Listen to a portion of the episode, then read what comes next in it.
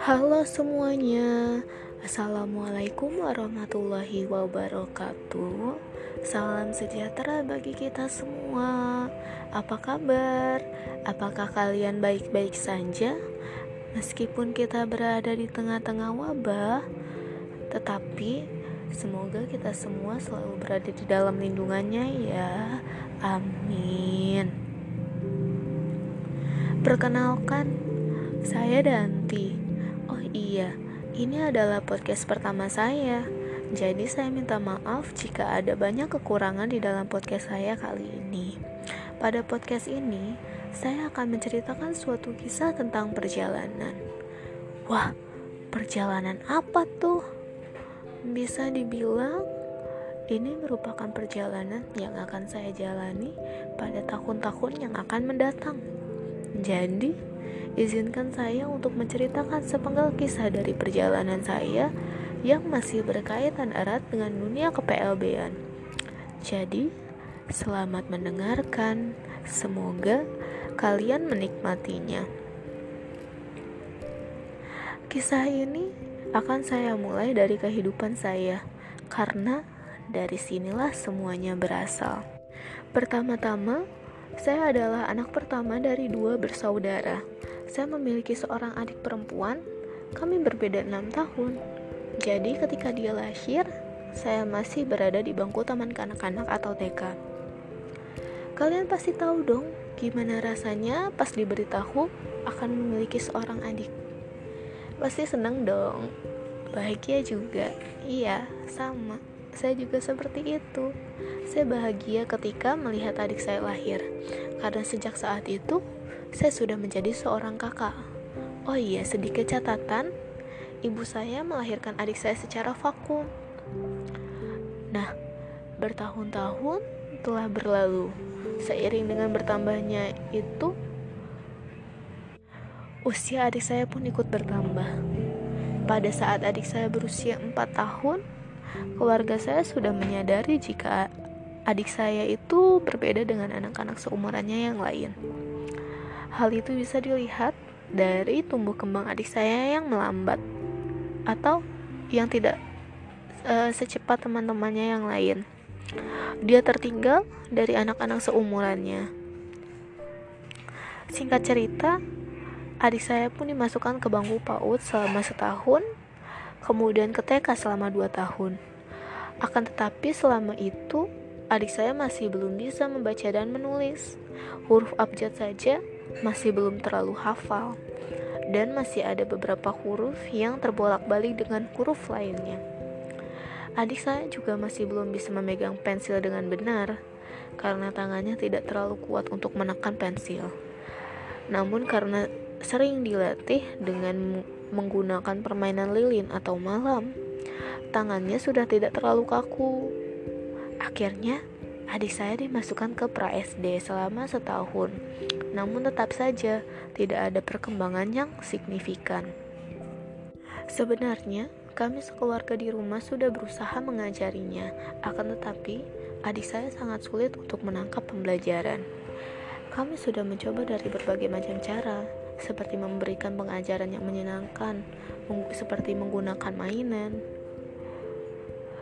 menggunakan nyanyian, dibelikan buku-buku untuk membaca dan menulis, dibelikan poster-poster bergambar angka dan huruf, mempertontonkan video berisi anim berisi pembelajaran dilengkapi dengan animasi agar menarik perhatiannya, dan cara-cara yang lain, namun belum ada yang berhasil juga. Karena saat itu umur adik saya hampir mencapai 8 tahun, maka adik saya dimasukkan ke SD. Saat itu, SD yang dipilih adalah sebuah SD swasta karena mengingat jaraknya yang dekat dari rumah. Awalnya, adik saya tidak ingin memasuki kelas. Dia selalu berdiri di belakang gerbang sekolah, memperhatikan ibu kami yang berada di depan gerbang sekolah. Itu berlangsung selama satu minggu. Pada minggu selanjutnya, dia masih tidak mau masuk ke kelas. Adik saya masih memperhatikan ibu kami yang berada di depan gerbang sekolah. Namun selama itu, para guru sudah mulai mencoba membujuk adik saya atau menarik perhatiannya dengan menggunakan permainan. Akhirnya, adik saya mau lebih dekat ke, di kelas, meskipun dia masih berada di depan kelas, belum ingin memasuki kelas tersebut. Walaupun begitu, adik saya tetap diajak belajar, meski melalui permainan oleh guru yang ditugaskan untuk menemani adik saya. Itu berlangsung uh, berlangsung beberapa bulan.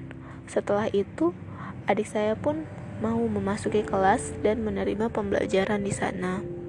Adik saya sudah belajar di sekolah itu selama tiga tahun. Dia juga pernah tidak naik kelas selama satu tahun. Pernah terbuli karena hingga saat ini belum bisa membaca. Akan tetapi, adik saya sudah bisa menulis meskipun hasil dari tulisannya masih terbilang acak-acakan dan tidak terlalu rapi. Um, gimana ya mendeskripsikannya? Tulisan adik saya itu besar-besar, melebihi garis yang ada di buku tulis bergaris.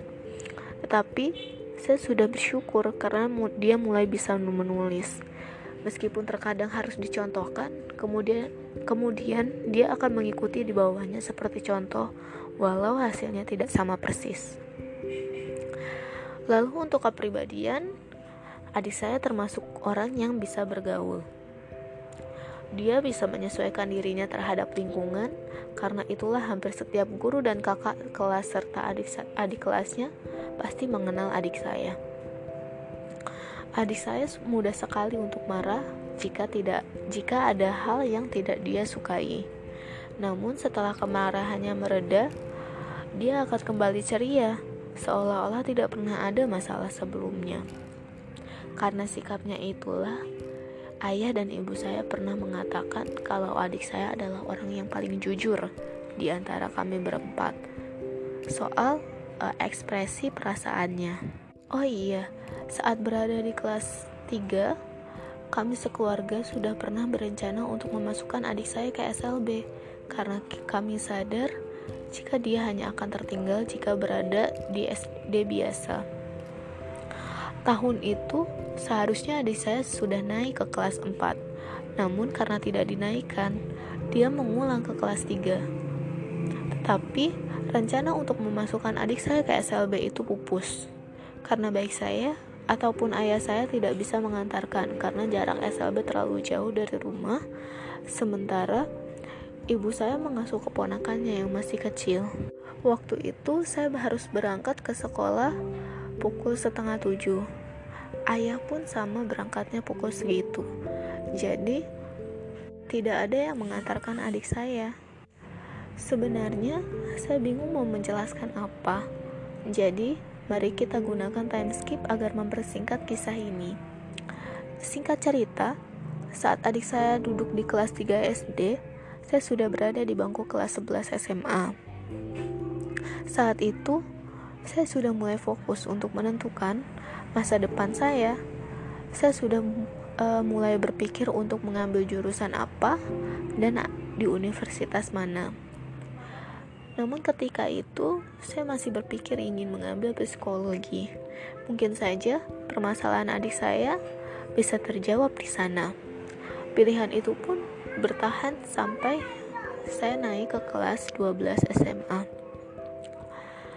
Tapi saat uh, di awal tahun 2019 ada bibi dari pihak ibu yang memberikan saran kepada saya. Beliau memperkenalkan pendidikan luar biasa kepada saya. Kemudian menyarankan jurusan ini jika ingin menjawab permasalahan adik saya. Ibu dan ayah saya pun mendukung karena melihat kondisi adik saya yang juga berkebutuhan. Terlebih, mimpi ibu saya yang tidak pernah dicapainya adalah menjadi seorang guru. Jadi, ibu saya ingin jika saya meneruskan mimpinya. Akan tetapi saya masih bimbang. Tidak pernah sekalipun terlintas di pikiran saya untuk menjadi seorang guru. Lalu, nenek saya sakit dan mengharuskan ibu saya untuk merawatnya karena hanya ibu saya lah satu-satunya anak nenek saya yang tidak bekerja. Ibu dan ibu saya dan adik saya pulang ke kampung halamannya. Tetapi saya tidak bisa. saya tidak bisa ikut pulang ke sana karena ada banyak sekali uji ujian kelulusan yang tidak dapat ditinggal. Itu terjadi saat awal Maret 2019. Karena sudah tinggal di kampung, adik saya harus pindah ke sekolah juga. Alhamdulillah, ada SLB yang berada di dekat rumah di kampung. Ibu saya berniat memasukkan adik saya ke sana, akan tetapi tertahan karena tidak ada surat pindah dari Dapodik. Karena ibu saya hanya memiliki surat pindah dari sekolah sekolah sebelumnya saja. Intinya, ketika itu saya benar-benar mengubah planning saya. Saya memikirkan semuanya ulang dan saya pikirkan secara matang-matang. Saya mulai bertanya-tanya kepada guru BK di SMA saya tentang jurusan ini, tentang PLB, tentang pendidikan luar biasa. Saya mulai berselancar di Google untuk mengetahui lebih lengkap tentang jurusan ini. Saya pun meminta pendapat anggota keluarga saya yang lain dan usaha lainnya yang berujung bisa memantapkan hati saya untuk memilih jurusan ini sebagai pilihan satu-satunya dalam SBMPTN di dua perguruan tinggi negeri yang berbeda. Sayangnya, yang kuasa memiliki rencana lain yang lebih indah. Saya tertolak di dua universitas tersebut, tetapi saya tidak menyerah. Saya mendaftar di perguruan tinggi swasta dan dan alhamdulillahnya diterima di sana dengan jurusan yang saya inginkan. Bersamaan dengan adik bersamaan dengan itu, Adik saya sudah bersekolah di SLB setelah sebelumnya menjalani tes dari seorang psikolog yang tesnya kurang kurang saya tahu tes seperti apa. Kemudian keluarlah hasilnya yang menjelaskan kekurangan adik saya. Saya tidak tahu surat tersebut isinya apa karena menurut uh, pengakuan ibu saya surat tersebut sudah diberikan ke pihak sekolah. Namun yang pasti adik saya tunagrahita. Sejak saat itu, saya semakin yakin jika pilihan yang saya pilih ini adalah pilihan yang terbaik yang bisa saya ambil untuk membantu adik saya. Tak terasa, setelah ospek berlalu, perkuliahan pun dimulai. Karena saya memutuskan untuk berkuliah di jurusan ini, saya tidak kaget jika nantinya akan bertemu dengan mereka yang memiliki kebutuhan khusus. Nyata saja, saat di kelas, tidak sedikit pula ada saya bertemu teman-teman yang memiliki kebutuhan khusus. Saat perkuliahan dimulai, ada beberapa mata kuliah yang sangat menarik perhatian saya, seperti pengantar pendidikan khusus. Kenapa menarik?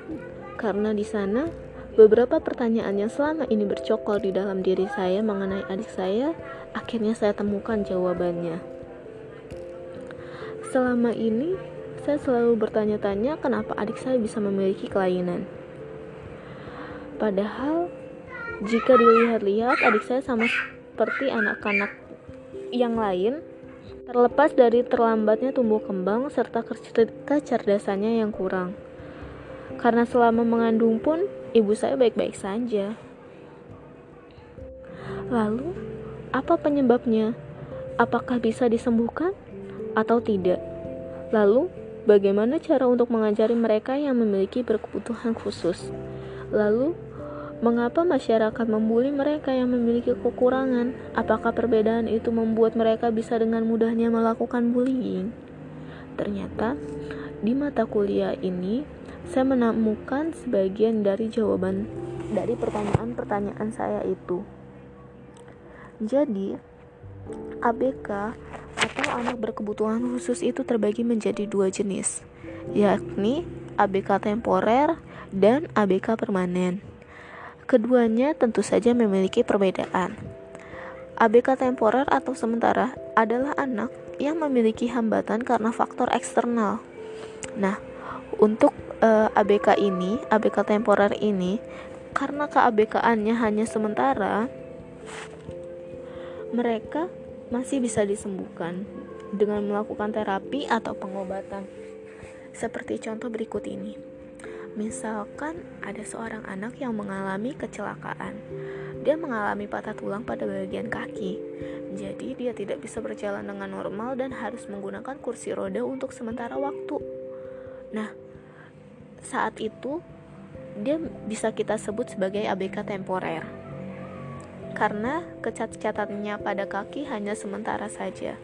Namun ketika kakinya sudah normal lagi dan dia sudah pulih, lalu dia bisa berjalan tanpa harus menaiki kursi roda, dia sudah tidak bisa lagi disebut sebagai seorang ABK. Lalu yang selanjutnya ada ABK permanen atau top, atau tetap. Eh, ABK permanen adalah anak yang memiliki hambatan karena faktor internal, seperti karena faktor genetik atau keturunan. Wah, kenapa? Kok bisa keturunan? Ya karena sebagai anak kita kan membawa uh, separuh gen dari ayah dan separuh gen dari ibu. Jika di dalam keluarga ayah dan ibu pernah ada yang kehilangan fungsi seperti penglihatan, pendengaran, atau mengalami gangguan pada gerak, gangguan pada kecerdasan dan kognisi, serta gangguan pada emosi sosial serta tingkah laku, maka itu berpotensi menurun menurun atau diturunkan kepada keturunan mereka di masa yang akan mendatang. Bisa dibilang, keabekaan seperti inilah yang tidak bisa disembuhkan. Oh iya, di mata kuliah ini juga saya diberitahu jika keabekaan bisa dilihat atau diketahui melalui tiga tahapan ini. Yang pertama, saat mengandung, yang kedua saat kelahiran, yang ketiga setelah kelahiran. Kenapa hal itu bisa menjadi kunci utama untuk mengetahui keabekaan seseorang? Ya karena ketiganya saling berkaitan antara satu dengan yang lain. Iba, jika diibaratkan dengan peribahasa, tidak ada asap jika tidak ada api kan? Ya kira-kira seperti itulah.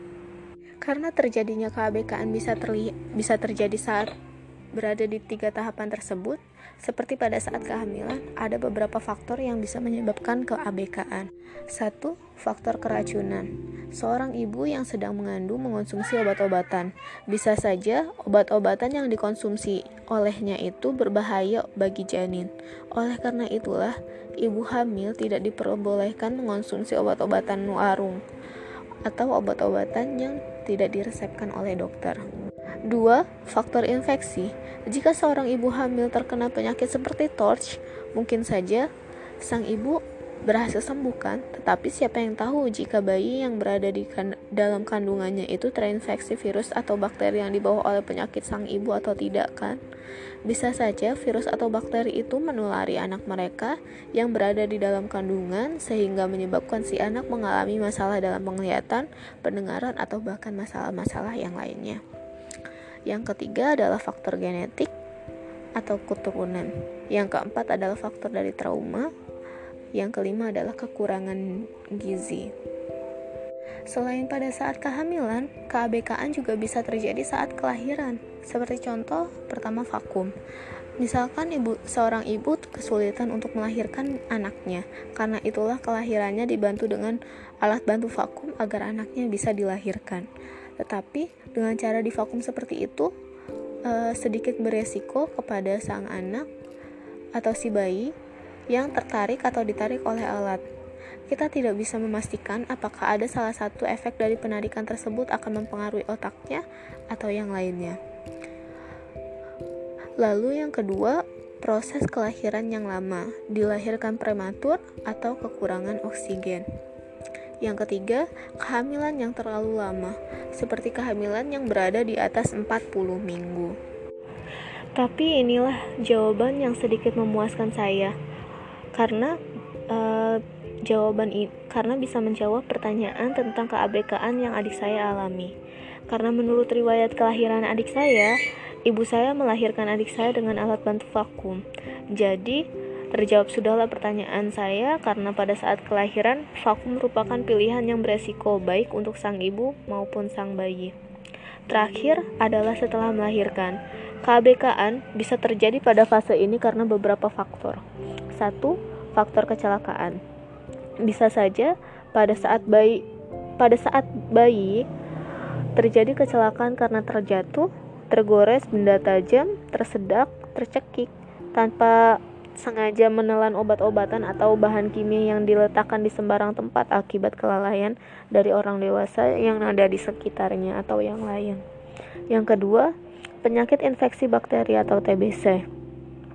Tiga, kekurangan gizi dan nutrisi. Yang keempat, keracunan. Misalkan karena menelan obat-obatan berlebihan, karena orang tua yang lalai menaruh obatnya di sembarang tempat dan juga yang lainnya. Setelah itu, Mengapa sih anak berkebutuhan khusus kerap kali kerap kali dibully karena mereka tidak sama? Mungkin saja mereka belum teredukasi dengan baik. Karena itulah pandangan mereka tentang ABK seperti orang-orang yang memes masih memegang teguh paradigma lama. Oh iya, di dunia kepelb ini kami mengenal dua macam paradigma, yakni satu paradigma lama dan yang kedua paradigma baru. Lalu, sebenarnya apa sih perbedaan dari kedua paradigma ini? Apa hubungannya paradigma itu dengan pandangan masyarakat terhadap para penyandang disabilitas? Tentu saja ada hubungannya loh, teman-teman. Menurut KBBI, paradigma adalah kerangka berpikir. Mari kita sebut saja cara berpikir seseorang terhadap sesuatu. Lalu, penyandang disabilitas itu diidentikan dengan apa? Memiliki kekurangankah? Atau malah ada beberapa yang salah persepsi karena menganggap keABKan itu terjadi karena kesalahan orang tua atau nenek moyangnya di masa lalu. Atau bahkan ada orang yang menyangka e, jika para jika para penyandang disabilitas itu sebenarnya kerasukan ilmu hitam dan sejenisnya. Persepsi seperti itulah yang sama sekali tidak dibenarkan ya. Karena persepsinya salah dan tidak teredukasi dengan baik Tak jarang juga masyarakat memandang para penyandang disabilitas adalah orang-orang yang merepotkan dan menyusahkan karena kekurangan yang mereka miliki. Bahkan, mereka juga tak jarang dianggap dianggap sebagai aib keluarga, tapi semua itu salah. Jika mereka boleh meminta kepada Yang Maha Kuasa, para penyandang disabilitas pasti menginginkan terakhir sebagai manusia yang sempurna tanpa ada kecacatan. Mereka tidak bisa memilih keadaan seperti apa yang hendak mereka miliki, karena semua itu berada di luar kemampuan mereka. Karena kita sangat kecil jika berada di hadapannya. Jadi, seharusnya kita tidak boleh memiliki persepsi atau pandangan seperti itu. Pandangan seperti inilah yang kami kenal sebagai paradigma lama, di mana masyarakat memandang ABK sebagai suatu aib yang harus disembunyikan sebuah pandangan di mana masyarakat memandang ABK dari kekurangan yang mereka miliki saja. Padahal, kita semua tahu jika kita adalah manusia, mereka juga memiliki hak yang sama sebagai manusia, hak untuk hidup. Mereka berhak memperoleh pendidikan yang sama, terlepas dari kekurangan yang mereka miliki. Mereka juga berhak untuk mendapatkan itu semua, mendapatkan ilmu, dan yang lainnya. Pandangan seperti inilah yang menyelamatkan mereka. Karena itu, pandangan masyarakat sedikit demi sedikit mulai bergeser. Jika sebelumnya masyarakat memandang mereka dari kekurangan saja, tetapi kini masyarakat memandang mereka dari kelebihan yang mereka miliki daripada kekurangannya saja. Saat ini, mereka lebih dihargai, lebih diakui, Keberadaan mereka pun sudah bukan lagi merupakan aib keluarga yang harus ditutup-tutupi. Semuanya sudah mulai berubah seiring dengan berjalannya waktu. Akan tetapi, setelah satu semester telah berlalu, saya ditanya oleh seorang teman.